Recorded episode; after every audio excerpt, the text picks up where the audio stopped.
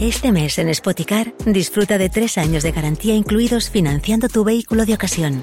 Visita uno de nuestros 200 concesionarios y disfruta de disponibilidad inmediata reservando tu coche en spoticar.es.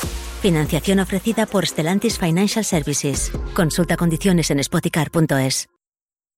Un club que és social, que té socis, que no té una persona injectant diners, hem de ser autosuficients i l'autosuficiència ve amb el producte que tu pots generar a casa. I no m'agrada dir producte de, parlant dels nostres jugadors però, però sí, els nostres jugadors han de ser el, el principal eh, eh, recurs d'aquest club. I és un jugador que s'ha diferenciat de la resta de jugadors. I un jugador Barça sempre és algo diferent Queda claríssim el que ens explica l'Isaac Guerrero, que va treballar durant tants anys amb Paco Cirulo a l'àrea de metodologia del, del Barça. Escolta, estic veient, hòstia, si ara m'estic il·lusionant i tot, eh? La sèrie B italiana, aquest diumenge hi ha un Como Venècia, és a dir, Cesc Fàbregas contra Isaac Guerrero, eh? I la, i la gent del Venècia. Bon partit, no? Bon partit, bon partit. Hòstia, és que a més, perdona, sou tercer i quart de la Lliga, que esteu jugant per, eh, lluitant per pujar a primera italiana. Sí, sí, serà un partit divertit, perquè justament el Marc parlava de- d'entrenadors que surten de, de, de, de la casa, no? i el Cesc, que hem tingut la sort d'intercanviar molt aquí a, a Itàlia amb ell, és un d'aquests entrenadors que de veritat viu la idea, que de veritat està fent contracultural perquè seu equip, el Como, juga justament això, i mira, serà un partit molt bonic, eh, un partit especial per tots, i, i bueno, mira, esperem que a final de temporada tant el Como com el Venècia podem, podem anar a Sèrie A. Estarem contents perquè és el nostre club i perquè el, que, el que representa justament el CES, per lo- tot el que hem parlat en aquesta xerrada, també seria molt bo que Home, a Sèrie A. aquest, perdona, aquest sí que ha de venir algun dia al Barça, no? El Cesc, o què ha d'entrenar? Doncs sí, hem de fer espai, hi ha uns quants noms que, que podríem portar i el CES és una, jo penso que pel que he conegut, perquè bàsicament ve d'aquestes xerrades que hem tingut aquest any, perquè justament ell va començar amb el filial i, el, i vam començar ja a interactuar una miqueta, eh, la veritat que té, podríem dir que molt bona pinta, i molt bona pinta a Barça, sí. El trucarem un dia i li deixarem escoltar aquest document. Home, i, tant. I, I per cert, si algú malalt de samarretes com, com servidor, la samarreta del Venècia és una samarreta Uah, és molt xula. brutal, Sí, és molt preciosa. Isaac, és Hòstia, és capa, és capa. Sí, sí, no? sí. És capa el Venècia. una equipació increïble. Aquesta Uah. me, l'apunto Sí, sí. per, per que és, comprar-me. que és tota negra i té una franja que va del coll al, al, al malic. Sí, sí, de color preciosa, vermell. Preciosa. Vermell i verd. Costa, eh? No, no, amb Costa trobar avui en dia samarretes maques de futbol. Netes. eh? Sí, I sí, netes, sí, a i aquesta és, és preciosa, és preciosa, és a dir que Sí, sí que és xula, sí que és xula. Eh, ja per, per, per Ah, l'Isaac per l'Isaac i pel disseny ens farem del Espera, Venècia. espera, que crec que t'ha dit, ja m'encarrego jo, pot ser que ha assistit a això? No, no, no, no ho facis, no ho facis. dit- Eh? No, he, eh. he dit això, he dit això. No sé si m'empenediré, però, però he dit això. Hòstia, que te n'enviarà una, Saperes. Ja, Ja, ja, ja, no, ja, a més, ja, ja sempre dic- A, a, Espera, a, més, a a més- correu abans que vingui algú d'Abu Dhabi a posar-hi publicitat. Estan a, a 5 minuts. Estan a 5 Ara, minuts. ara mateix truco a la, a la botiga. Si No, no, no, cal, Isaac, no cal, Isaac. Ja, ja, ja ho arreglarem, ja ho arreglarem un dia que vinguis a Barcelona. Isaac Herrero, gràcies, de veritat, un plaer. Eh, Et seguim a partir d'ara. Una abraçada forta, molta sort. Gràcies, una abraçada per tots. Adéu, adéu. Merci. Hosti, quina magnífica. A vegades, a vegades proposes entrevistes o et proposen entrevistes que no saps com sortiran i, i ha acabat sortint una xerrada magnífica de com està la et masia, ca- la i et cau un metodologia... titular, I et cau un titular que, en fi, que diu moltes coses. el te'n Eh? bulli no dones tingués cuina, eh? Te'n dones compte que hi ha un vici en el Barça que és eh, el president que ve neteja tot el que havia fet l'anterior. Eh? Totalment. Com si tota la seva gestió... Escolta, jo no, no faré una defensa de Bartomeu, però hi ha coses que va fer bé Bartomeu. Eh? O sigui, al final, aquests nois que tenim avui que ens enamoren al Barça mm, són els que va portar ell, eh? són els que va fer, va fer créixer ell i el, i el, i el seu equip. No? Llavors, que quan un entra jo entenc que el teu equip més íntim quan tu entres eh, president d'un club doncs eh, el, els, els, els que estan al teu costat ha de ser la, la teva gent. Però això no vol dir que tota l'estructura l'hagis de, l'hagis de recolzar No, no. em sembla car i em sembla ineficient No, i que, i que, hi, ha, i, i que hi ha estructures que, o sigui, jo, jo crec que hauria, eh, hauri- hauria d'haver-hi una, una sèrie d'estructures que no tenen res a veure amb, amb, amb el poder de decisió més sensible, que jo entenc que quan una junta entra, doncs entra el president amb gent de la seva confiança, ok, però hi ha tota una sèrie d'es- d'estructures esportives en un club de, de futbol per, Home. que, no, que, no, que no cal remenar-les eh, remenar tant, en el sentit que eh, molt, molta de la gent que, entre cometes, moltes cometes, per no m'agrada la paraula, però ja s'entén, que, que, que es van purgar en el, en el seu moment, molta gent d'aquesta ja hi era abans que entressin els, el, els passa la Junta Directiva Rossells de, i de, Bartomeus. de la Porta té un mèrit, que és que es purga si mateixa. És a dir, eh, avui sortia un llistat de persones que eh, al seu dia va incorporar eh, la porta i que al cap de mig any o un any les, eh, en fi, les has tirat riu avall, que dius, què, què us passa? No? Això és molt preocupant. És molt Avui, preocupant. escolta, estem parlant d'una vintena de persones. Sí, sí. sí. I això em sembla... Ara- Sí, aquest, aquest, aquest poder... O sigui, si, si alguna cosa és el Barça, és, és un club horitzontal. I jo crec que eh, la Porta està fent el club més vertical de la seva història. Eh? O sigui, mana ell i, i un petit cenacle que alguns ni són socis del Barça, o qual cosa. I alguns no estan a l'organigrama. Mm. Oficial, sí. Ah, Ara, amb el, que, amb el que esteu dient de la Masia i l'entrevista, que ha estat molt interessant, eh, això em, em porta en un punt, que és que el Barça en aquests moments està en un punt crític. Sí, la Masia està en un punt crític. I, I està una mica en el punt de match point. La pilota pot caure en una banda o a l'altra. I a més a més és especialment crític per la situació del primer equip.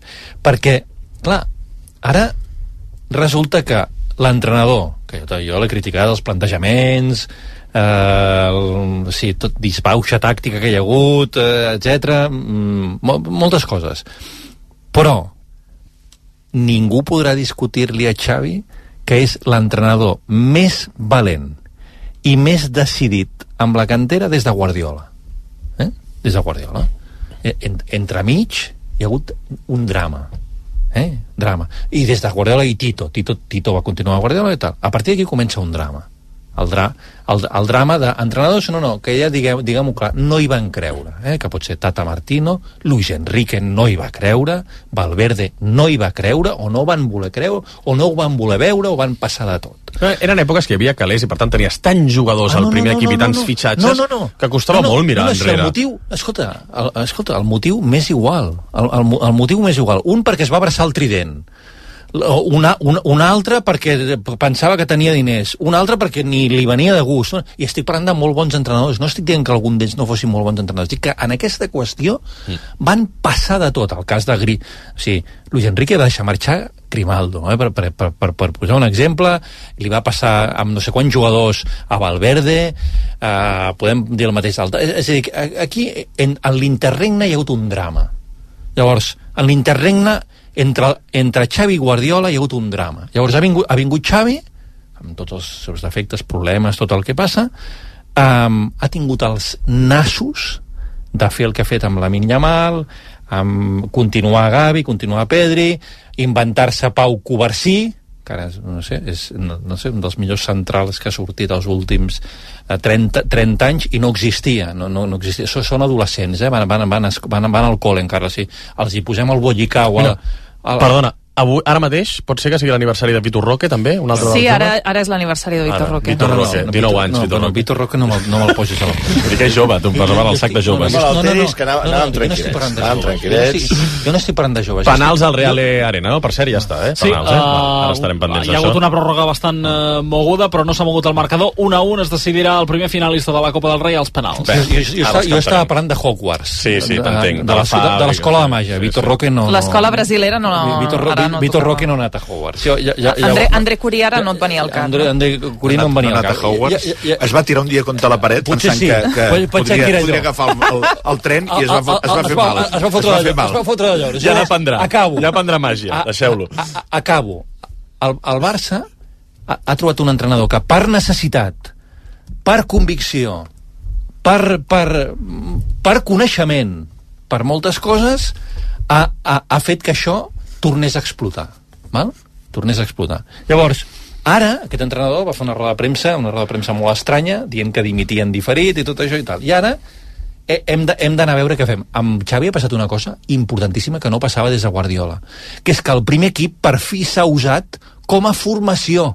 Això de dir, no, no, no, han d'arribar al primer equip que ja estigui informat. Això és el que pensava Luis Enrique, el que pensava Valverde. No, no, no, que arribin... No, no, agafen ju juvenils que no han passat ni pel bé i el primer que per a formar-se. Per això la Yamal és tan bo, per això Pau Covarsí és tan bo, perquè s'estan formant amb el primer equip. El, els, el, la seva formació de veritat li està donant el primer equip. Llavors, la gran pregunta és, ara? I ara què amb tot això? Perquè ara igual ve un senyor de la República Txeca que dirà no, no, ui, no, no, no, no tan joves i tan in- inex, inexperts, no. Ara, ara això, Això- això... No, això- vull dir que tot això que està eclosionant ara, això ho continuarem, perquè això és el més important. Bueno, Isaac Guerrero t'ha dit que perfils com De Chervi o d'altres po- pot ser que, que, que ho tinguin present. si de clar. Chervi no és ni a les quinieles. És a dir, la via alemanya No, La- la- sí, és a dir- perquè no el consideren un entrenador encara top i consagrat, que és el que eh, hem explicat a RAC1 que busquen ara mateix. Però tot això... Però tot això, seria un perfil molt idoni Una, una cosa, No, jo, sí, A jo Deco- crec que a parlem... Deco li agradaria, de és, Servi. està en el top 3, tu creus, de Mm, Chervi ara? Ara mateix no. Doncs ja està. Jo crec que amb aquest tema, que és un tema molt, molt important, i, eh, jo crec que parlem moltes vegades massa dels entrenadors. O sigui, els entrenadors sí, han de creure, han de saber-hi postar, han de saber atrevir-se a jugar amb joves.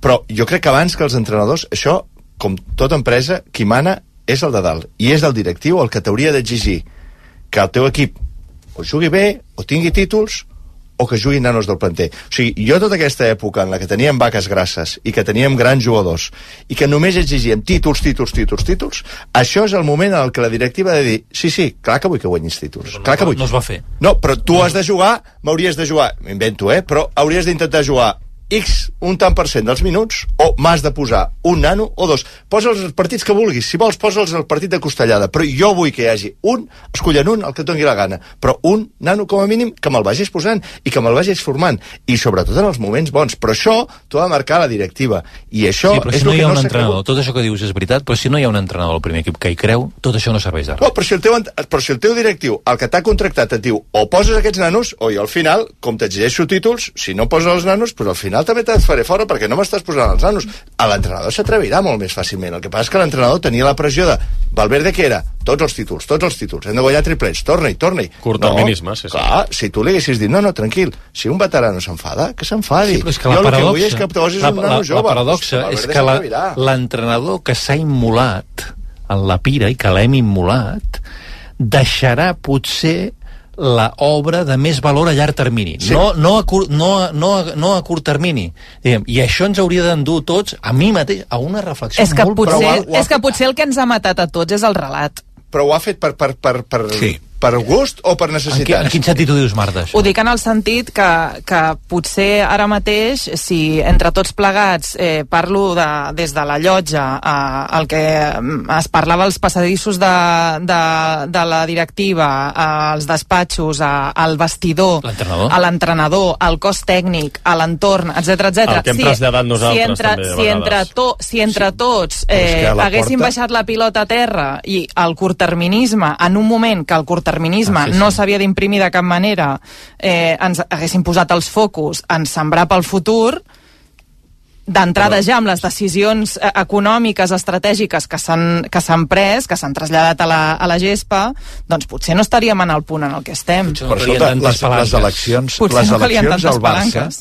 van ser, van ser entre algú que la seva aposta és dir, no tenim calés, anem a intentar mm, eh, quadrar els números els pròxims dos o tres anys, juguem amb la, amb la gent Mm. de casa i tal, i un altre que va dir, ho patrem, i al final la gent va fer l'aposta per, a per la l'emoció. Sí, bueno, sí. Jo, jo entenc, eh? O sigui, el futbol sí, sí. és emoció. El que passa és que tots en som una mica responsables. Al final, no, no, vam, no vam dir... Eh, o sigui, el relat, que, el relat que fa la porta és l'únic que pot fer. Eh, txt, i això ho arregla, i, i el Messi ho arreglem amb, un, amb una costellada. No, tot això, tot això, i ens ho vam, us ho vam, ens ho vam creure tot. Eh, i després no passa res del que, del que s'ha anat dient. I això tampoc té cost. Mm, Escolta, el que vull dir, el que vull dir és que hi ha una responsabilitat que ha de ser compartida, perquè al final el soci va fer, va, fer un, o sigui, va fer un acte de fe. Va fer un acte de fe. Atenció, però- i- atenció, comencen els penals. Com acte de fe va fer l'anterior, a les anteriors eleccions, que també per El un 2015. triplet... Ah, Bartomeu Per un estava fora i per tothom un pensava triplet- que Bartomeu per un triplet. havia d'anar fora i guanya un triplet. Ah, no, espera, que ara que es quedi. Sí, sí. Vull dir, al final... Comencen els penals al Real Arena, els, els, els anem vivint, no? Una primer mica, una mica, no? la Real Societat el capità Oyarzábal eh, tindrà el primer llançament per eh, intentar portar el seu equip cap a la final de la Cartuja. Ibai Oyarzábal amb la cama esquerra, l'atura Grave, el primer llançament La a la base del pal dret, l'ha aturat el porter del M'ha Mallorca. recordat Lewandowski. Sí, aquell saltironet, aquell saltironet Però- innecessari. A mi els saltironets em, em posen tan Però nerviosa. per què s'ha posat de moda, això? No, no hi havia saltironet. No, perquè El, fe- això... el saltironet això- el feia el Bolxoi. Però el veus, veus si es mou el porter o per no. intentar que el, El porter es mou o no, clar. es mogui i ell tampoc endevini cap on vas a Ah, xutar. però et compliques, et compliques Sí, la sí, vida. sí, també. I a més s'ha complert una altra màxima que estic segur que el Saperes la comparteix, que és les grans estrelles, avui Jarzabal ha marcat, no? Aquest és el que tira Sí, sí. i falla el penal. Qui, qui voleu que guanyi, el Real Ciutat o Mallorca? Us és jo igual. la Real. Només Tu fallen la Real a la eh? final, tu? Jo sóc més de la Real. La Real, eh? Jo, vull una, fallen fi, jo, jo vull una final basca. Basca, val. Tu també? Els No, jo primers, vull que guanyi eh? no els que Mallorca, tiren no sé per què, però Tu el Mallorca, no? Per Javier Aguirre. Javier 21 Aguirre. Javier parla la mateixa Mallorca llengua no que està a la jo, final. encara que alguns A veure, no qui saben. xuta? Morici, Morici. buscant el gol i l'aconsegueix llançament al mateix lloc Oyarzaba l'ha enganyat Remiro que s'ha llançat cap a l'altra banda el Mallorca es posa per davant després de la primera ronda de penals També. També. l'ha fallat fem l'ha el tiró, Ha fet, ha fet alguna coseta, eh? També ortopèdic, eh? el Mallorca fa 21 anys que no juga una final de Copa des de la del 2003 que li va guanyar el Recreativo seria la quarta si hi arriba En va perdre una amb el Barça. Pensava que anaves a dir aquesta, em pensava que des Jo també, d'aquesta també. No, aquella és la de Xavi, que marca Xavi, no? Aquella la, és la el Supercopa, Mallorca va perdre el 91 i el 98 Ah, no. del 2003 la va guanyar Allò és una Supercopa, Mallorca-Barça, no? La Xavi. Sí, és la sí, sí, el Supercopa. primer gol de, de. Xavi amb el Barça. Samarreta taronja, el Lluís tinc, Sitjà. tinc memòria de peix. A veure, va. Sí, sí. I va la Reial amb el segon i gol empata la tanda de penals l'equip Donostiarra Torrientes ha marcat ara sí per la Reial Societat 1 a 1 Molt bé, vinga, va, a veure. A veure el segon penal del Mallorca. la Reial Societat Hosti, qui ens havia de dir que un dimarts de febrer estaríem aquí vivint uns penals a les 12 i 16 de la nit entre el Mallorca i la Real Un Societat? altre cop a pròrroga, eh? molt saludable aquestes alçades de temporada. Saps què ens interessaria? Dijous una pròrroga, de l'Atlètic de Bilbao a l'Atlètic de Madrid, perquè el Barça hi va diumenge a Samamés, no? Mm. I si dijous a la Una nit... mica de Eh, desgast. guanyarem. Tu creus que guanyarem? Absolutament convençut. Home, si passen a la final estaran de ressaca, i si no estaran tristos, no? Una mica? Tot ens va bé. A veure, va. I va el Mallorca gol Oh, Eh, ben torna picat, a marcar el Mallorca Morlanes Al mateix lloc, eh? al mateix Tots al lloc, mateix lloc. a la dreta de la porteria a l'esquerra de Remiro Remiro s'ha tornat a llançar cap a l'altra banda no l'ha encertat el porter de la Reial Societat Està fent un Oblak. Un a dos. Us en recordeu? Sí. Oh. Final de Champions. Calla, calla, pariser. Madrid-Atlético, que el Oh, que tio es va tirar... allò. El tio es va tirar sempre, a la mateixa banda. Jo no ho vaig entendre. No ho vaig entendre gens, gens, gens. gens. La Reial Societat, l'última final que va jugar va ser el 2020, la va guanyar contra l'Atlètic de Bilbao, a la Cartuja. Que va aparèixer a la sala de premsa el Guacil amb la, Sí. Sí. la bufanda Molts- cridant. Molts es pensaven que ara reeditaríem un altre cop aquesta sí. final, veient el resultat de l'Atlètic Club, però mira, la Real pot quedar-se fora. Seria la novena pels donostiarres en tota la seva història i anirà ara el llançament o la Sagasti A veure, o la Sagasti. amb la cama esquerra, gol! L'ha llançat novament a la dreta, a la... ajustat al pal dret de la porteria, en aquest cas de Grave. Grave ha encertat les intencions de la Sagasti, però no, no ha estat prou contundent en l'estirada com per intentar rebutjar la pilota. Per cert, la Real Societat ha fallat dos penals ja. Perquè a la primera part Brais Méndez Brais. ha fallat el penal al minut 45 a la primera part i ara Oyarzábal ha fallat el de la tanda. És que el Mallorca, si acaba passant a la final, eliminant el Girona, contra pronòstic, Sí, sí, i sí. eliminant la Real. La Real a doble partit, A doble partit. que té molt, més mèrit encara. Bé, doncs estan en mans d'Àlex Remiro. El Com l'Atlètic Club passés a la final i que no poguessin treure la gavarra per perdre contra el Mallorca ja després de totes les vegades que han perdut contra el Barça a les finals de la Copa seria gros eh, pobres. Seria gros. El Mallorca que ve de carregar-se el Girona també. Sí, sí, ara ho deia el Marc. I va Mascarell pel eh, Mallorca el llançament a la dreta novament i gol lloc, eh? Està tots. Però què fa Remiro? Després de tres rondes, el Mallorca porta avantatge, dos encerts la Real Societat, el Mallorca que no n'ha fallat cap, 2 a 3, en queden dues. És que potser penses, ara em tiraré cap a l'altre cantó, Sí. i llavors falta Sí, que... sí, sí, falta sí, que... És, que és que és molt heavy, eh? La pressió. Té mèrit. Ha de ser molt difícil. Javier Aguirre. Javier Aguirre. Avui sí que podrà fer El whisky. whisky, el whisky d'avui serà... El. Un whisky i a dormir. Eh, Allò que es diuen, quin jugador, amb quin entrenador tenies un dia a sopar? Javier Aguirre... sí, sí, sí, sí. Jo vaig Sí, però passar... sortiries tard del restaurant, eh? Oh, per això, per això, per això. Jo vaig, jo vaig passar grans eh, tardes, nits i rodes de premsa quan era entrenador de l'Espanyol i jo a RAC1 seguia l'Espanyol. Ens ho vam passar molt I bé. va la Real, gol gol dels Donostiarres, gol de Zubimendi. Empat a la Real Societat continua de moment També només l'error d'Oyarzabal una altra vegada, eh, efectivament a la dreta, no, no s'ha sabut ben bé què fer ara Crave, el porter del Mallorca, volia tirar-se cap a l'esquerra, després ha intentat reaccionar. Aviam, i anirà ara al Mallorca Tornarà a rematar o tornarà a tirar-se al mateix costat, el porter, o no? Jo crec que ara ja no canvia. Ara, ara canvia. O a l'últim. Ara canvia. O a l'últim. Ara? No, has de Ara? canviar ara. Ho fas ara, a veure. Perquè ara és el moment del dubte. i anirà Radonjic El dubte del delanter. del Mallorca si la falla la tanda estarà empatada abans de l'última ronda Jo la fotria pel mig. i va Radonjic amb cama dreta, gol! Buah, ho tenen, ho, ho tenen Sí. pràcticament Ha fet, repetit, eh? No, no. Ha repetit sempre allà mateix. Ha Però, repetit però tot. s'ha tornat a tirar a l'altra banda, Remiro. Sí, sí, no, sí. És per, fot, és per dir-li des de la banqueta, noi. L'ha tirat novament a la, a la dreta, Remiro s'ha tornat a llançar cap a la banda contrària i atenció perquè si ara mateix la Real Societat falla el cinquè penal, el Mallorca serà la cartuja. Quina pressió. A casa, Ai, per després favor. I va Omar Sadik. atacar tot el... Uf, aquest surt de lesió. Porta cara tensa, eh? Ja t'ho dic ara. Sí? Eh, no està passant una bona Hòstia, època aquest. el Guacil, nano.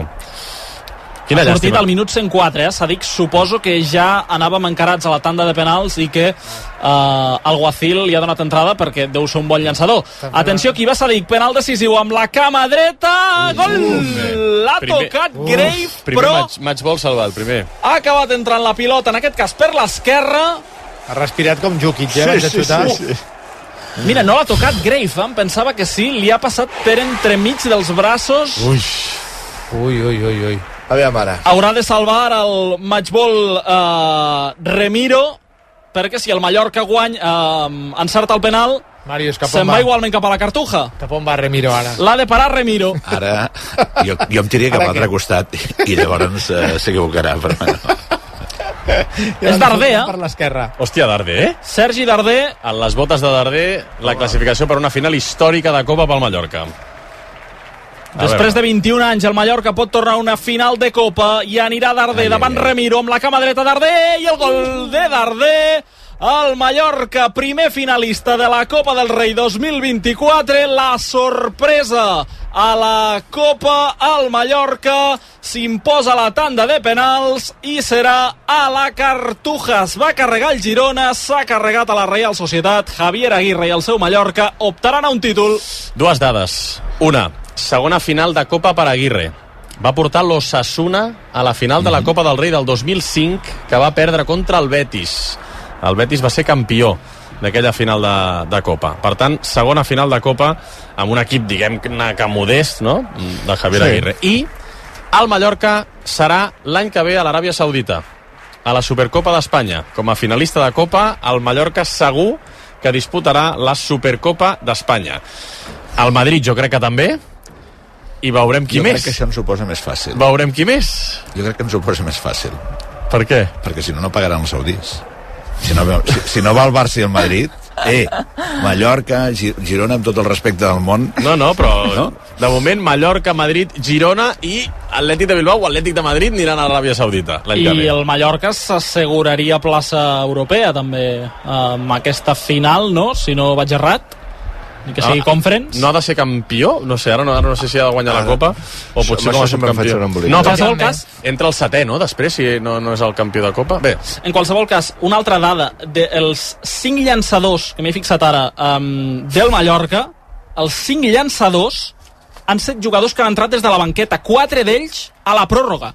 Per tant, bona gestió en aquest cas dels canvis d'Aguirre, que els uh, seus pensat, cinc llançadors sí, no n'han fallat cap, els cinc penals han anat uh, I cap dins. tots l'han tirat pel mateix i costat. tots l'han tirat pel mateix I el costat. porter de la Real Soci- Societat només s'ha tirat una vegada Per tant, el Mallorca eh, tenia estudiat, Però no molt estudiat el tema dels eh, penals, li serveix per tornar a una final de Copa 21 anys després i la celebració serà llarga.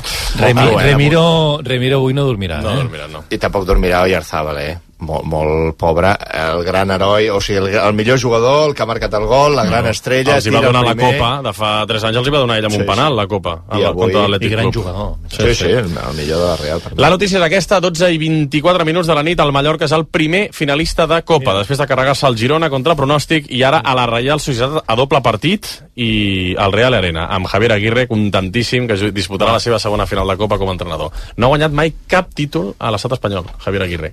Cap títol. I el pot aconseguir el dia 6 d'abril Sí, a la és, Cartuja. és un personatge. Eh? És un personatge, sí, sí, de veritat.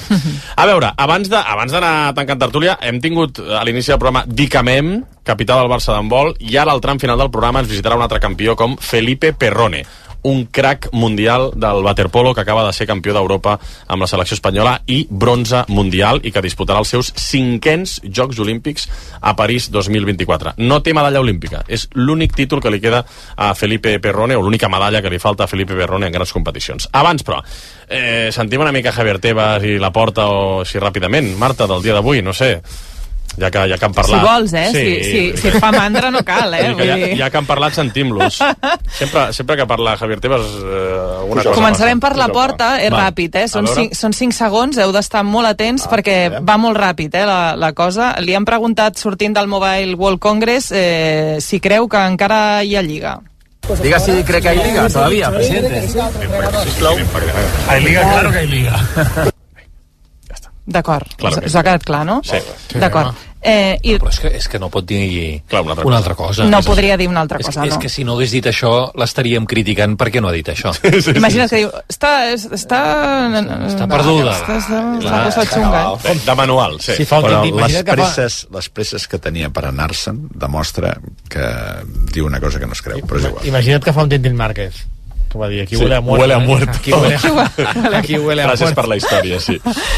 I també sentirem el president de la Lliga, Javier Teba- Tebas, que coincideix en la porta. De sobra. Mira, he visto ligas de 10 puntos en el Madrid cuando Suster era el entrenador de ganarlas. A 10 puntos de, de- de- del Barça creo que era en aquel momento. He visto de todo, quedan muchísimos partidos. Es que, cosa que aquí ya no hay liga, siempre, no sé, son- son- tiramos la casa por la ventana enseguida, ¿eh? I un altre de Tebas, eh, que també ha parlat de Real Madrid eh, Televisió, ha ratificat que la patronal es personarà en la denúncia del Sevilla, que entén que el mitjà, que Real Madrid Televisió, intenta influir en els àrbitres. Ya lo dije que lo íbamos a hacer y ha sido el Sevilla. Nosotros no, para poner una denuncia no estamos legitimados en el ámbito de competición. Nos vamos a personar y, y porque creemos, y lo venimos diciendo, que el tema de Real Madrid Televisión, eso va, ya no es que sea un tema de la libertad de expresión. En el ámbito del deporte va contra el buen orden deportivo, ¿no? que creo que además está en nuestros reglamentos eh, como un, un elemento, una infracción, ¿no? No, Javier eh, això, això és realment desconcertant, aquesta història, perquè Sí. la Liga necessita que el Sevilla faci la denúncia per personar-s'hi, és a dir, qui arrossega a la Lliga és el Sevilla, primera cosa. Se, segona cosa, el Barça, el, el Barça ha de veure com ho fa el Sevilla, el Barça no té res a fer amb aquesta qüestió. Ai, que és el soci, que és el... que és, aqu- que és, que és, aquest, que és aquest que uh, quan ens despertem al matí és enemic, quan ens anem a dormir eh, és amic o... Depenent de o- si o necessites diners o no. Depenent de si necessites diners. Mhm. Eh, avui hem explicat a rac novetats de la lesió de Ferran Torres. Està descartat per diumenge, segur, no? Sí, eh, tornarà demà als entrenaments, eh, però no volen córrer riscos amb ell i la bona dinàmica de l'equip i els últims resultats fan que no hi hagi cap urgència i, per tant, eh, aquesta setmana, com era previst, perquè ja s'haurà complert, complert el, el mes de baixa que vam explicar aquí a, a rac començarà a entrenar-se amb els companys, però com que no hi ha aquesta urgència, la setmana que ve augmentarà càrregues i tornarà a la competició divendres 8 davant el Mallorca a Montjuïc. L'objectiu és estar al 100% per afrontar el partit contra el Nàpols. Es va lesionar, recordem-ho, el 31 de gener contra Osasuna. No, bé. Molt bé, Marta. Demà més, eh? Moltes gràcies. Bona nit i tapa't. Bona nit i tapa't, sí, sí. a descansar. Sí, ara sí. Adéu, adéu. Eh, acabem amb una... Eh? Acabem, per bé, cert, Acabem amb una cosa. equivocada. Diu, es que aquí enseguida los clubs tiran la casa por la ventana. No, casa por la ventana. O sigui, el que volia T'ha dir... quedat aquí la... No, però és que, és que ha uti- utilitzat la frase malament. Sigui, és, que és veritat que els clubs en seguida tiren la casa per la ventana. Tirar la casa per la ventana no vol dir que de seguida donen les coses per fetes sinó que mm, gasten més del que tocaria. Que poden, sí. Sí, sí, totalment. Eh, ja parlarem del retorn de Vinícius a Mestalla hi ha un merder de por, el València no volen deixar entrar les càmeres de Netflix que estan fent un deies, no, documental. no, no volen deixar entrar a No, Vinícius. no van deixar entrar les càmeres de. Netflix que li estan fent un documental al futbolista brasiler perquè diuen, escolta, ja, aquest senyor ja aquí ens la va fer molt grossa l'any passat, eh, si li volen fer un documental gravin-li a casa Jo seva. entenc el València, eh? Sí, no? Sí, Absolutament a sí, favor. Sí. Jo, jo entenc el València perquè, a més a més, al final, eh, una càmera perversa acaba trobant el que busca, encara que el que busqui no existeixi. I llavors, com que tot és molt pervers, entenc perfectament el València a dir, com que agafareu la part pel tot, pues us uneu a filmar a casa vostra, tot això. Sí, sí, Em, sembla, o sigui, em sembla molt bé. Dissabte a les 9. I després vindran els de la llibertat d'expressió, eh? Estan a punt de sortir. Els de la llibertat d'expressió estan a punt de Ja sortir. estan fent cua, no? I agafant... Que ja em diràs tu què té a veure amb la llibertat d'expressió un documental de Netflix. Eh? No, no, està- però, però estan... Jo crec, estem a 5 segons que algú, algú comenci, torni a invocar la maleïda llibertat d'expressió. Eh? Eh, I una última. Ahir vam parlar de Dani Alves. Eh, alguna novetat sobre aquest cas d'Alves i si el Barça retirava la condició de jugador històric o Molt no? ràpidament, Aleix, recordem que el Barça té un apartat de jugadors històrics al seu web. Alves hi era i recentment, després de fer-se pública la sentència del seu cas, perquè ho vam poder comprovar amb l'Oriol Jové, havia desaparegut. Ahir ho va explicar el diari Esport, ho vam poder comprovar, efectivament no hi era a la web del Barça, però la sorpresa ha estat veure que avui la foto d'Alves tornava a aparèixer en aquest apartat del web. Hem preguntat al club i el que ens diuen és que oficialment no s'ha demanat que es retirés la foto del brasiler malgrat la sentència i que un cop aquesta sigui ferma el club ja prendrà les mesures que consideri oportunes. Per tant, per que si, la foto, que si la foto havia desaparegut devia ser per algun problema informàtic, però no per una ordre expressa del club. Sí, per generació espontània va sortir la foto. Això eh, és el que ens han explicat, que no hi va haver l'ordre de retirar-la i avui ha tornat a aparèixer. I la, i la samarreta d'Urdangarín? Hòstia, No, no, ho dic, no, no, valor, eh, ara. no, no, ho dic perquè, clar, és, és, és, el, és el mateix cas, diguem, no? Els dos tenen una sentència uh, judicial en contra. Bueno, és com el Sí. Museu Josep Lluís O- Núñez, no? Que també... I, Què? i, Leo, I Leo Messi, també. Però el Museu Josep Lluís Núñez ja està amagat, eh? Ja, ja, ja, ja està amagat, perquè, de fet, el, el, nom, el nom Museu Josep Lluís Núñez ja no s'usa. Ja no s'usa, sí, sí. Ja, ja, no, ja no s'usa. Eh, una, una última informació que expliquen al, al canal de Twitch de Gigantes. Han casat a Barcelona Joan Laporta i Rafa Juste, president i vicepresident esportiu del Barça, en un restaurant aquesta nit, trobant-se amb representants de Nike. Aquesta és la següent carpeta que haurà d'abordar el club. Tot ho hem de fer sopant? Ah, en sèrio? O sigui, una a, reunió... a vegades, un, ben regat, un bon àpat ben Home, regat, pots treure bons negocis. Una, una, saps nego una això. negociació econòmica amb una multinacional, no ho sé. Eh, però potser una trobada avui per, per rebre els que han arribat a Barcelona No, no, no, i demà sí, faran les però- negociacions com No, per no perdonem un canapé aquí. Però, però això, eh, això arriba després d'informacions que em sembla que hi va treure el diari Esport que s'havien complicat les relacions amb Puma. Sí, que Puma creu que el Barça està utilitzant No. la proposta que vol fer Puma, que és molt millor que la de Nike, per renegociar el contracte amb Nike. Bueno, és que Puma què es Però pensa? això s'ha fet tota la vida, vull dir que, Puma, clar, és que Puma sí. què es pensa? És que, Puma, és que si el Barça fa això, que diu Puma, o que pensa Puma, és que el Barça ho està fent bé. Mm. Sí, clar, clar, clar que l'està utilitzant. Sí, sí, que, que, que s'havien pensat. Bé, doncs això, estarem atents a aquesta carpeta de la samarreta perquè ja Joan Laporta, en aquest estudi amb el Jordi Basté, a l'entrevista de fa un mes ja va dir que Nike no estava ajudant al club quan ho necessitava i va apretar-los de mala manera i avui hi ha imatges de Gigantes eh, doncs això, de Laporta i Juste amb representants de Nike a la ciutat de Barcelona aquesta mateixa nit. Ja ho explicarem. Ara fem la prèvia de la final de la Nations League femenina. Demà, a la Cartuja de Sevilla, Espanya, amb un munt de jugadores del Barça, pot guanyar un nou títol un cop ja va assolir la classificació pels Jocs de París. I a més a més, saludarem precisament un esportista que serà a París 2024, Felipe Perrón. Encara ens queda molta teca, el tu diràs. Us deixaré marxar en pau. Gràcies a Ernest Folk, Màrius Carol i Marc Guillén. Una abraçada. Ens Gràcies. veiem, aviat, ens veiem aviat. Més aviat del que us penseu, jo Sí? crec. Jo crec que sí. Sí? És una amenaça, més. Gràcies, Fare- Marc. Farem un, un, un, una negociació Barça-Nike, no? Val. Val. Això m'agrada. Sí, m'agrada. Saperes, gràcies. Que vagi bé, bona nit. Adéu. Un minut i rematarem aquesta mitja hora que ens queda encara de programa. RAC 1 Necessites comprar-te un cotxe? Vine a Mundiauto, disposem de més de 600 vehicles a preus excepcionals. Més de 120.000 persones ja han adquirit un vehicle a Mundiauto. Ara et toca a tu. Mundiauto, al centre comercial de l'automòbil al Prat de Llobregat. Mundiauto.com Ja tens un nou concessionari oficial Jeep a l'Hospitalet de Llobregat i a Molins de Rei. Dimo Auto, molt a prop de tot i de tots. Dimo Auto t'ofereix àmplies instal·lacions on podràs veure, conèixer i provar tots els models Jeep. Dimo Auto, el teu nou concessionari oficial Jeep a l'Hospitalet i Molins. Dimoauto.com. Molt a prop de tot i de tots. Últim avís! A Fort Nicolàs, concessionari oficial, ens queden poques unitats de Ford Focus, Ford Puma i Ford Kuga a preus de liquidació. És una oportunitat única de tenir el cotxe dels teus somnis a un preu d'escàndol. Vehicles totalment equipats amb etiqueta eco i entrega immediata, perquè puguis acabar el mes de febrer estrenant cotxe. Últim avís, només a Fort Nicolàs. RAC 1. Tots som 1. RAC1 tu diràs. Amb Aleix Pariser.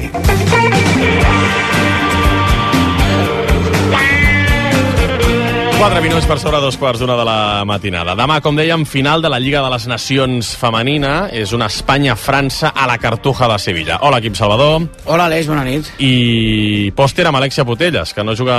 Potser. Ah, potser. Ah, Sí. està mal i dic pòster, és Ah, veritat. tu has escrit malament jo, perdó. He anat, he anat, he anat, de, he anat de, de memòria. Eh, potser amb Alexia Putelles, perquè no juga amb el Barça des del novembre de l'any passat, però potser sí que ho fa amb, amb Espanya. Sí, encara no ho sabem perquè la Federació Espanyola de Futbol no ha fet pública la llista de convocades i la seleccionadora Montse Tomé, que ha parlat en roda de premsa abans de dirigir l'entrenament d'aquesta tarda, no n'ha volgut donar cap pista.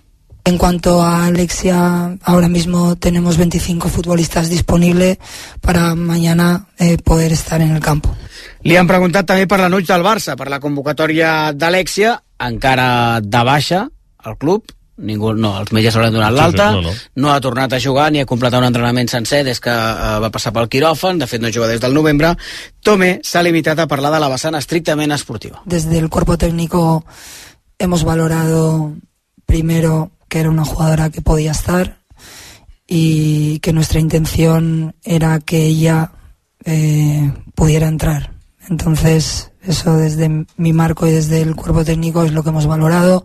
Desde que está aquí hemos llevado los procesos con mucho detalle, con mucho cuidado.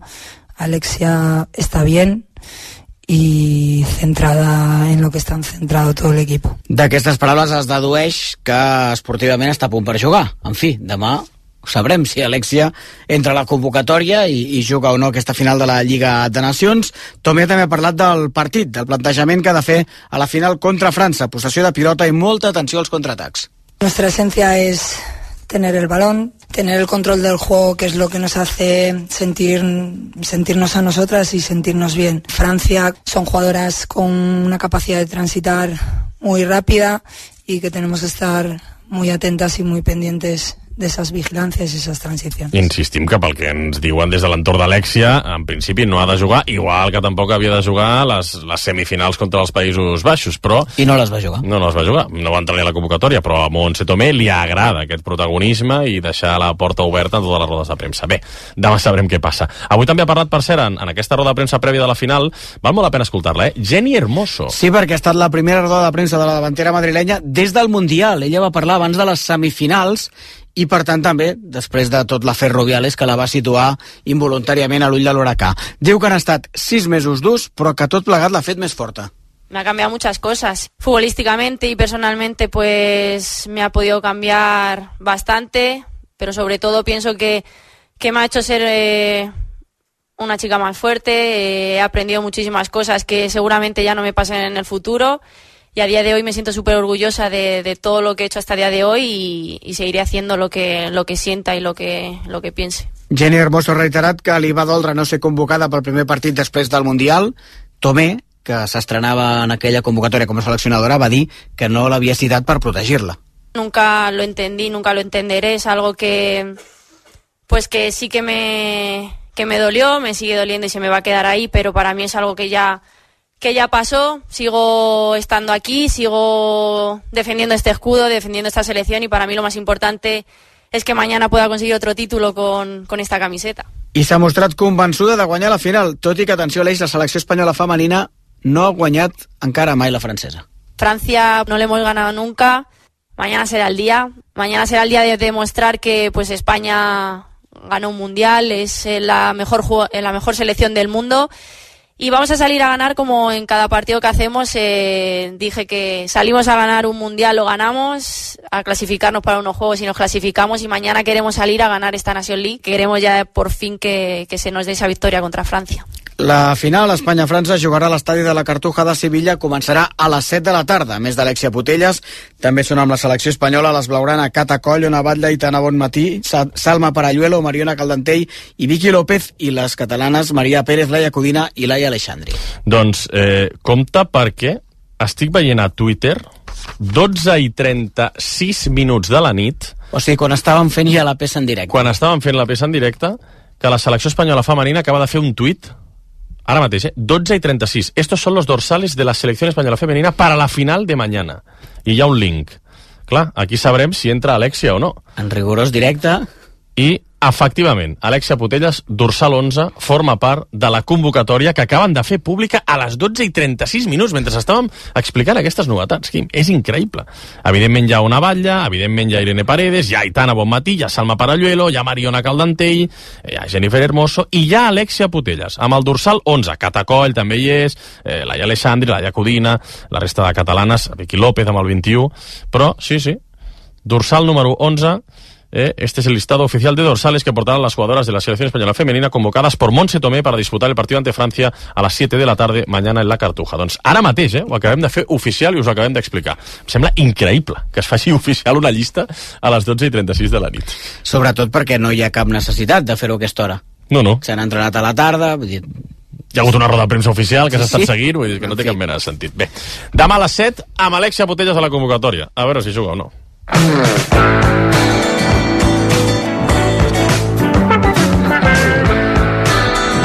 Abans de l'antitertúria olímpica amb el Sergio Heredia de la Vanguardia hi ha un altre gran protagonista avui al Tu diràs com és Felipe Perrone eh, ciclisme, perquè hem sabut que Sepp Kuss, guanyador de l'última Vuelta a Espanya disputarà la Volta a Catalunya Sí, la Volta ha confirmat avui que el corredor estatunidenc de l'equip Bisma disputarà l'edició d'enguany, que es farà del 18 al 24 de març.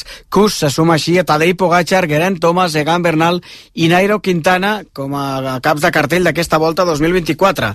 I eh, Kus ha estat fent el reconeixement del recorregut de l'etapa reina, la sisena, que serà el 23 de març i anirà de Berga a Caral, i ha llançat aquest missatge.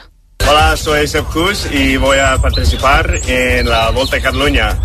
Y quiero animar a la gente para ver eh, esta etapa en, en Berga, la etapa reina de la Volta a Cataluña, y nos vemos ahí. I és que Sepp Kuss té una vinculació molt especial amb el Berguedà, part de la família de la seva dona és de Vilada, i ell, que viu a Andorra, s'hi entrena sovint per les carreteres berguedanes. Demà dimecres es farà a la tarda la presentació oficial d'aquesta volta 2024, serà a tres quarts de sis a la seu de l'INEF a Montjuïc, i en coneixerem el recorregut exacte amb tots els detalls i també la llista completa d'inscrits. Demà hi serem, evidentment, eh, pendents d'aquesta presentació oficial i us explicarem tots els detalls d'aquesta gran prova ciclista que a finals de març tornarem a viure intensament aquí a rac Gràcies, Quim. Bona nit.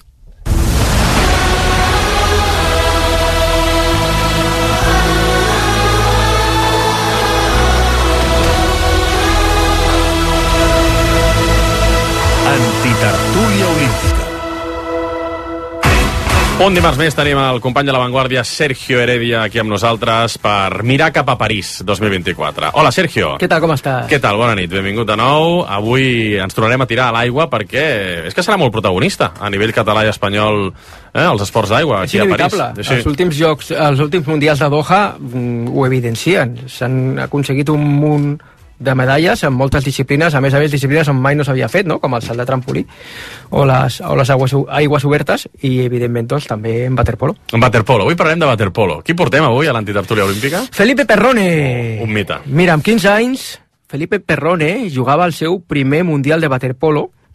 15 anys, eh? Llavors amb el Brasil on havia nascut. I als 17 ja deixava enrere la platja de Copacabana per instal·lar-se a Barcelona abans de fitxar pel Proreco italià, on va guanyar-ho tot.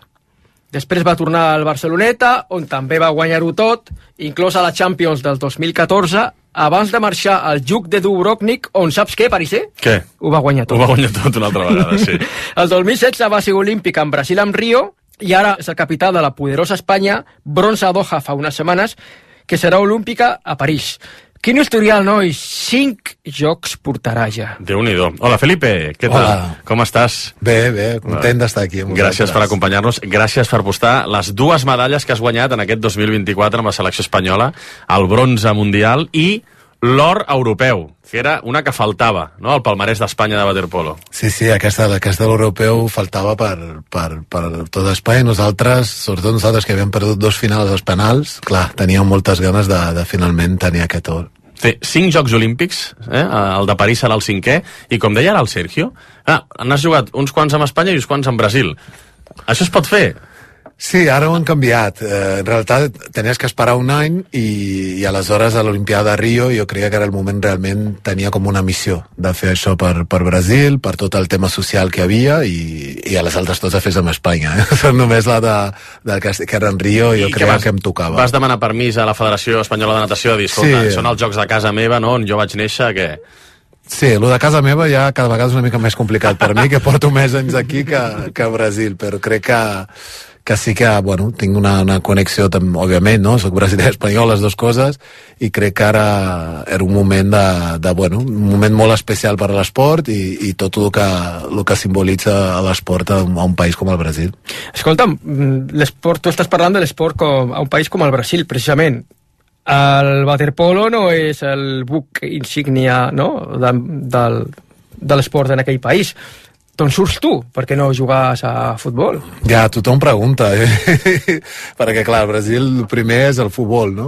Però jo, el meu pare i el meu germà jugava a waterpolo i, i ell sempre em diu que, que mai, bueno, que ell no, no, no, no ha tingut no, cap pressió, però bueno, em portava a la piscina, em deixava a la piscina, estaven ells jugant, clar, i volia jugar també, no? I, i per això he començat una mica lo, lo de waterpolo. Però no ho demanaves, que, que jo vull jugar a futbol com els altres, això no ho demanaves, no Jo diria que jugava també a futbol, però era malíssim. O sigui, me ficava de porter i, i, clar, aquí també em passa, eh? Diu, no, brasiler, el meu equip. No, no, no, jo sóc molt, molt dolent jugant al futbol, o sigui, millor a l'aigua. I com arribes aquí, a, a l'estat espanyol? Primer, eh, el meu germà. El meu germà ha vingut, l'Ivan Pérez, el mític Boia, li ha ajudat a, a venir i jo amb 15 anys he començat a...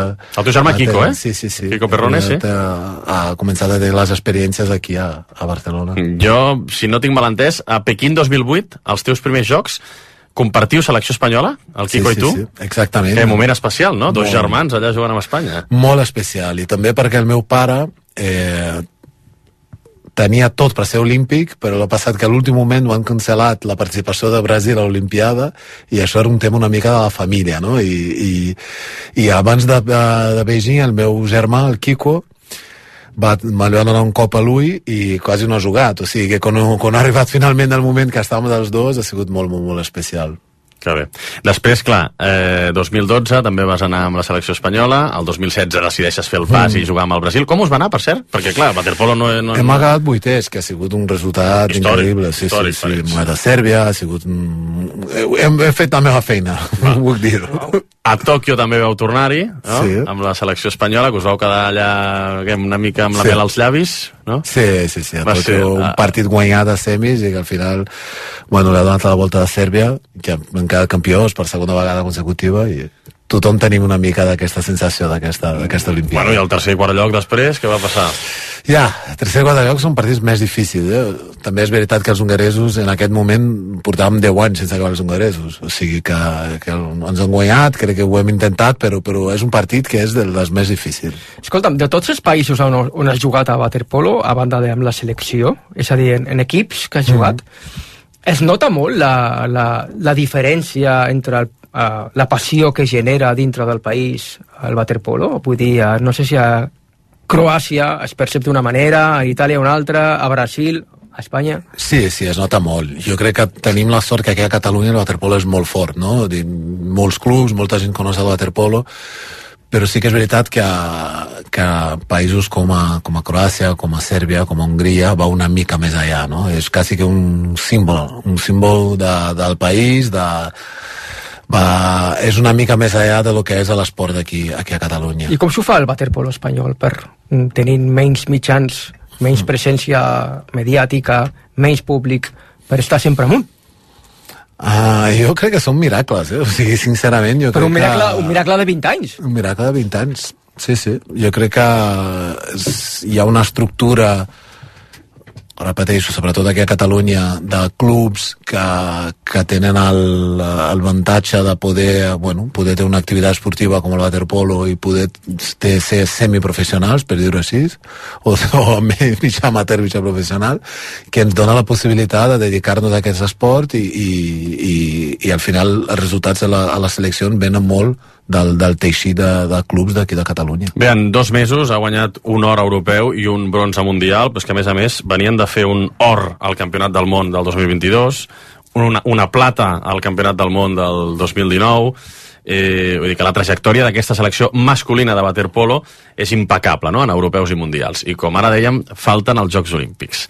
Que això, clar, des de l'època d'Estiarte, no?, sembla que resisteix la medalla olímpica, no? Sempre, tots tenim al cap aquella Barcelona 92, després Atlanta 96, i a vosaltres us heu quedat sempre allò amb, amb les ganes. E- És, és la que et falta, no? Podríem dir-ho així o no? Sí, sí, sí. sí. És l'única que et falta, tu, ja. Sí, sí, sí, és la veritat. El que passa que, o sigui, tenim moltes ganes, està clar, no? Però crec que seria un error també tenir aquesta sensació com, bueno, algo que falta, a veure, hem aconseguit el que hem aconseguit, està clar que l'Olimpiada és el moment més important i més bonic per a l'esport minoritari com el nostre, i ho farem tot. Després et dones compte quan, quan perds i quan guanyes que hi ha un factor de sort també que està ahí, no? I, o sigui, ho, ho donarem tot, ho farem tot i, i intentarem. Però la generació és brutal, vull dir, ara mateix, jugadors joves que pugen, no sé, al cap Álvaro Granados, l'Unai Aguirre, el porter, no? N'hi ha, ha moltíssims, i després més experts no, t'agrada o no? Ha quedat bé, experts, ha ha quedat quedat bé.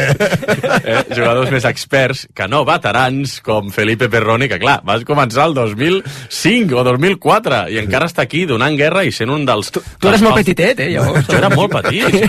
Sí, jo el recordo en els meus inicis a Ràdio Sabadell, de parlar amb ell, però, però clar, imagina't, i encara hi és allà, no?, i donant guerra. I com dius tu, Sergio, abans repassaves el seu currículum, ha guanyat la Champions amb, amb, amb, el, amb diferents equips. Ha guanyat la LEN, ha guanyat lligues espanyoles, el que ha volgut, lligues croates, lligues italianes, has guanyat els ors en mundials, en europeus, amb la selecció espanyola vull dir que no et canses de guanyar ja sé que et queda els Jocs Olímpics sí. però, però que té molt mèrit no? que Felipe Perrone Gràcies, segueixi en aquesta gràcies. nova generació Però la veritat és que gaudeixo molt. Gaudeixo no només dels títols, però gaudeixo el, els entrenos i, i d'aprendre també ells, perquè són bons, eh? El, sí. el, aquests, l'Unai, el, el l'Arumbe, el Monarris, tots són jugadors d'un d'un nivell que... I, I és molt bonic, que si mirem a l'esport, no només a waterpolo, no? canvia molt. I, i aquest repte d'adaptar-se i de- d'estar de, sempre a dalt, pues, és molt diferent, sí, de quan vas arrencar, sí? Sí, sí, sí, molt, molt. És que el mateix passa amb tots els esports. Si veus un... Tenim sempre la sensació, no? És que abans a l'esport com era... I mires un partit d'abans i mires un partit d'ara i és un altre esport. Ah, sí? Sí, En què, quina és la diferència? En què? La velocitat. La velocitat del joc. Una mica el que passa amb el futbol, no? Si veus el futbol o el balomà, els altres esports, o sigui, hi ha una velocitat, hi ha una... No és ja aquest jugador tècnic que només amb tècnica ho té prou, no, no, has de, de, de ser capaç de, de, un joc amb molta velocitat, uh, tenir, tenir la tècnica, els coneixements tec, tàctics, tot. I com t'adaptes a això? Com... Sincerament, jo crec que perquè...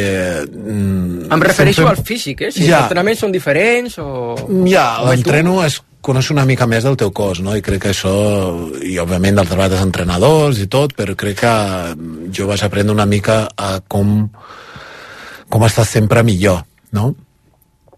Però perquè crec que sempre he estat obert a, a adaptar-me. Això crec que passa molt a l'esport i a la vida, no? Que hi ha algú que té un èxit i diu, no, això és la recepta de l'èxit, no? Però clar, canvia. I crec que, que, que, bueno, que he sabut una mica canviar amb lo, amb lo que tocava. I els jugadors d'ara, per exemple, de, en relació als jugadors del 2005, són més grans me, o, o més o menys? Són molt més grans. Són molt més grans, molt eh? més grans. I jo, per exemple, jo tinc un metre 83, que, bueno, una persona normal, per dir-ho així, no? Mhm. I, i Per mi un gegant, eh? L'alçada, bueno, però l'alçada de la selecció jo crec que la mitjana és com un 94, 93, o sigui, de mitjana. Ja. I, que jo tiro per baix, quan surti jo ja pujarà una mica més. I l'època dels superherois de, de, del Dream Team aquell del waterpolo espanyol no, no eren molt grans. Físicament no, eren estaven tan forts com li veu les espatlles a Felipe Perrone o a qualsevol membre que de el Manel. Estiarte estem parlant de metre 76. Clar, clar, clar. I, I jo tinc 95-100 quilos. El Manel tenia No, era petitó, sí. 75, Sí, 80. sí, sí, o sigui, sí. és un, és Era, un- era un referent per tu, Manel Estiarte, quan arribes aquí, sí? Sempre, sempre, sempre. I crec que, sobretot per les seves característiques físiques, no? I moltes vegades dic, bueno, hi ha, hi ha hagut altres jugadors que també han sigut molt bons, però, però amb aquestes característiques ell ha revolucionat l'esport. Per qui no l'ha vist jugar, quines coses feia? El moment que jugava era un moment que tots eren molt grans, molt forts, i ell era el més llesto, el més ràpid. Molts gols de contraatac, de moviment, i clar, això és, és bonic, no?, de, de veure qui li agrada l'esport. Saps què tenim en comú amb Manel Stiarte? Que no t'amagues, tu. Que t'agrada el lideratge, sí o no? T'agrada la pressió, el lideratge, Bueno. agafar l'última pilota, no? Sí, sí, sí. Jugar amb el rival, de dir, o la xuto jo o la passo, no? Sí, sí, sí, bueno, jo he, he sigut una inspiració i clar, això és un complit molt guapo, però sí que és veritat que, que bueno, que porto anys i, i crec que, que és el que toca, no? A veure, has jugat amb el Brasil, amb Espanya, va estar molts anys a Itàlia, molts anys a Croàcia. La teva dona és croata. Sí. M'han dit que parles sis idiomes. Sí. Inclòs el català. El parla molt bé, el català. Gràcies, estic intentant aquí. Ho està demostrant. Batalla. Quins idiomes més parles? Català, castellà, què més? Sí, l'italià, l'inglès, el portuguès, portuguès. croata. Croat també? Sí, sí, sí. Mare meva. Ja, croata és el més Jo aquí complex, podria eh? fer una mica de... dir, No, i el serbi, el, però és que no són molt semblants. El croat, el serbi, els altres. Té mèrit, té mèrit, té mèrit, sí, té sí. mèrit. Eh, eh, estàs actiu a les xarxes últimament, a Instagram, t'he vist que penges, però són com vídeos didàctics, no? Estàs intentant penjar, Felipe? També, és que jo no... De com jo... és el waterpolo, de com, d'això que parlàvem, ha penjat vídeos de com es movien les cames abans, com es posicionaven els jugadors dintre l'aigua, no? I intenta ser didàctic amb el món del waterpolo, no? És que jo, el que parlava d'adaptar-se, no? Jo no, no he tingut xarxes socials fins un any fa. Fa un any, sí, sí. que he començat a tenir perquè he vist realment, tard, però he vist realment la importància, no? I, i pues, una mica intento donar a conèixer una mica l'esport com era abans i fes aquestes coses una mica didàctica crec que a la gent li agrada però és un, és un repte també, eh? és més difícil perquè realment no m'enterro de res i sort que tinc els altres per ajudar-me una mica Escolta'm una cosa, mentre has estat, has estat en primera línia de waterpolo, i estàs, sempre has estat professional del waterpolo o ho has compatibilitzat amb d'altres feines? Amb feines no, però en estudis sí. I crec que això ha sigut un gran aprenentatge. Mm, Nosaltres a la selecció tenim enginyers, tenim l'Àlvaro està a punt d'acabar dret, o sigui, de tot. I jo, bueno, he fet mm, administració i direcció d'empreses, he fet postgraus, estic fent un màster, que una mica intentes preparar-te per, per el que queda, no?, després, perquè no som com els futbolistes i com, el, com els de bàsquet, que una mica... Però llavors ja- què t'agradaria fer? En el món de l'esport, eh, direcció d'un club, alguna cosa així, gerència? Algo així, ja veurem. Tampoc està tot a les meves mans, no? Però, però bueno, una mica et prepares per, per tot, però crec que el món de l'esport segurament. Tu has fet 38 anys, aniràs als Jocs Olímpics, visualitzes el després o encara no? Mira, realment eh, no ho sé estic anant molt a poc a poc perquè és complicat són aquestes decisions al, al final no són fàcils però jo tinc clar que hi ha un moment que acaba no? I, i bueno, a veure quan serà, està molt, molt a prop però no sé exactament com serà serà amb la selecció, el club té idea de, de, de prendre aquesta decisió Però els teus últims jocs, sí, no? En Sí, principi. segur. Vull dir, un, un, Sí, un nou cicle fins als 42 anys no hi arribes, eh? no arribo perquè realment l'exigència al nivell que hi ha ara és, és molt, molt complicat Doncs tant de bo et pengis aquesta medalla. Sí, esperem. O si no, que t'ho passis molt bé Sí. i que gaudeixis de l'experiència allà París. Eh, mira, ara que deia això, m'estic preparant per el futur. Ets una persona també generosa. M'han explicat que ets ambaixador dels esportistes de la FINA, de la Sí. Federació Internacional de Natació. Ets ambaixador. I que, per exemple, has aconseguit que a París hi vagin 13 jugadors per equip de waterpolo, tant masculí com femení, i no 11 com fins ara. Això per què? Per què has volgut que hi anessin dos esportistes més en cada equip? O per què has lluitat per això, Felipe?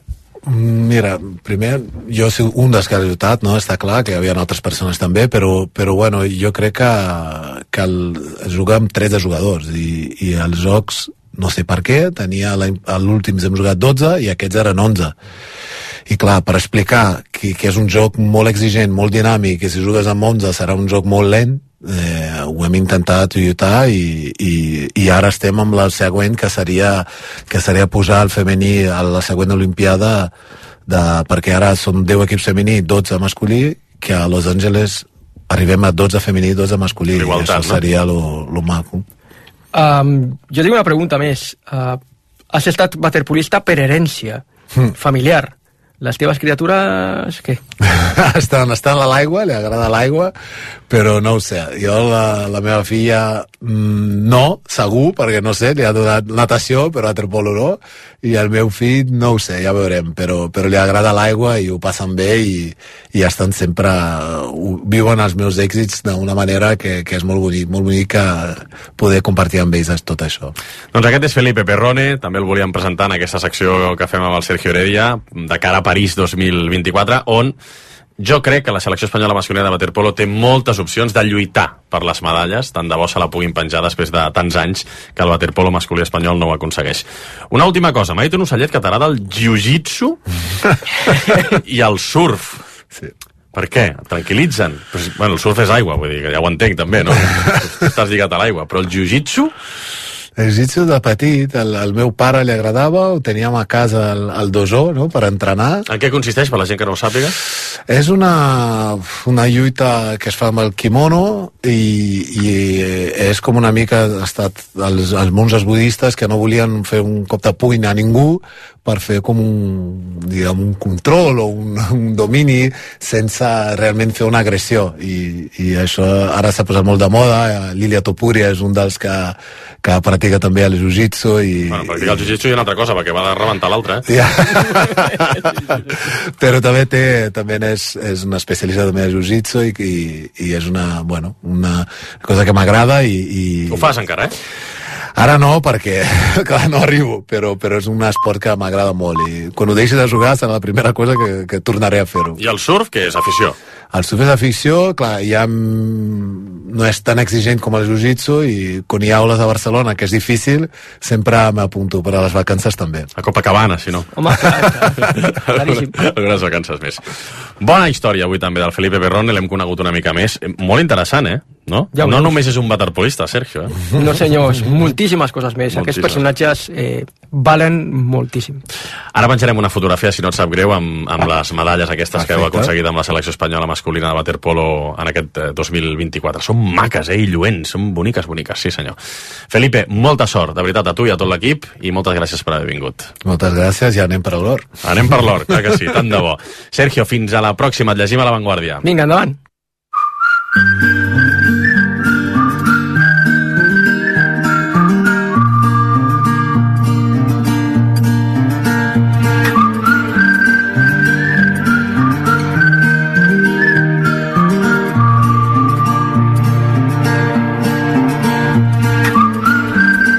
Doncs amb aquest crac, com és Felipe Berrone, tancarem el Tu diràs d'avui. déu nhi els protagonistes. Dicament, per començar, el capità del Barça d'handbol, Felipe Perrone, en la titertúlia olímpica amb el Sergio Heredia per tancar aquest Tu diràs i totes les coses que han passat pel mig, que han estat unes quantes, com una entrevista interessantíssima amb Isaac Guerrero, que va ser ajudant de Paco Seirulo en l'àrea de metodologia del Barça i que ens ha deixat un gran titular.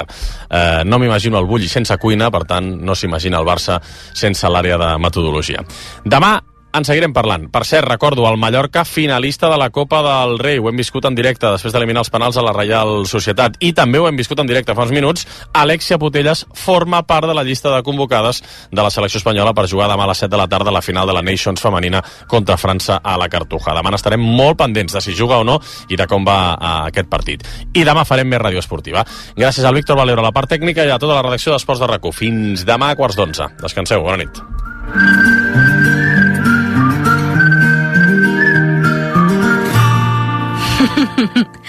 Tu diràs. RAC 1 Notícies Agustí Serrat Bona nit, passen dos minuts de la una. Els pagesos continuen bloquejant a aquesta hora algunes de les principals carreteres del país. Manifestants i tractors tallen des de la matinada passada, és a dir, des de fa més de 24 hores, la P7 a Puntós, a l'Empordà i també passaran la nit a diverses vies que connecten Lleida i l'Aragó, com l'A2 a Tàrrega, la P2 a l'altura de Soses, la 22 al Almacelles i la, a Almacelles i la C14 a Bassella. A més, també mantenen tallat el punt fronterer del Coll d'Ares entre el Ripollès i el Vallespí. I a tots aquests llocs no descarten descarten allargar totes aquestes protestes durant tot aquest dimecres i potser també fins a dijous. En total, la Unió de Pagesos i Revolta de Pagesa calculen que aquest dimarts s'han mobilitzat uns 1.200 tractors en una protesta que afecta sobretot el pas de mercaderies. Aquest vespre, portaveus del sector s'han reunit amb representants de la Conselleria d'Acció Climàtica, però no han arribat a cap acord i, per tant, les protestes es mantenen. Aquest dimecres, José Luis Ábalos serà al món arracú l'endemà que el PSOE l'hagi fet fora del partit arran de la polèmica pel gas Coldo. En negar-se a abandonar l'acte, l'exministre s'ha convertit en diputat del grup mixt al Congrés. Els socialistes l'han fet fora de manera temporal i li han obert un expedient per falta de disciplina. Tot i així, les pressions a Ábalos perquè deixi definitivament el seu escol i continuen arribant per tot arreu. L'últim ha estat l'expresident de la Generalitat Valenciana, Ximo Puig, que ha estat molt contundent en una entrevista al 9C de rac aquesta nit. Diu que Ábalos ha de plegar. En España y en general hi ha una qüestió que tenen que veure la responsabilitats jurídiques, que són els tribunals que tenen que validar-les i altres que són les polítiques. Jo, jo el crec, però hi ha una responsabilitat política. Escolta, que això va aixina. Crec que és ben clar. Jo crec que ell hagué, hagué fet un gran paper si hagués decidit apartar-se i al mateix temps defensar la seva innocència, clar. Puig diu que no té que, ara que és membre del grup mixt, Avalos trenqui la disciplina del PSOE. Espera que com a diputat valencià compleixi allò que va, a què es va comprometre. Més coses, els comuns mantenen enrocats en la seva negativa a facilitar els pressupostos si el govern no llença definitivament a la paperera el projecte del Hard Rock. Tot i haver arribat a un acord aquest dimarts amb el PSC, Pere Aragonès encara no té prous vots per aprovar-los i necessita algun altre suport. Però en una entrevista aquesta nit, també al 9C de rac el seu portaveu, el dels comuns al Parlament, David Cid, ha deixat clar que si volen sumar-los als comptes del 2024 necessitaran una renúncia explícita al macroprojecte. Hi ha d'haver el compromís clar que el, que el pla director urbanístic no tirarà endavant, hi ha d'haver-hi la voluntat i jo també diria l'ambició d'Esquerra Republicana de definir un model de país i fins i tot no, d'atrevir-se a dir que no al senyor Illa. I si Esquerra Republicana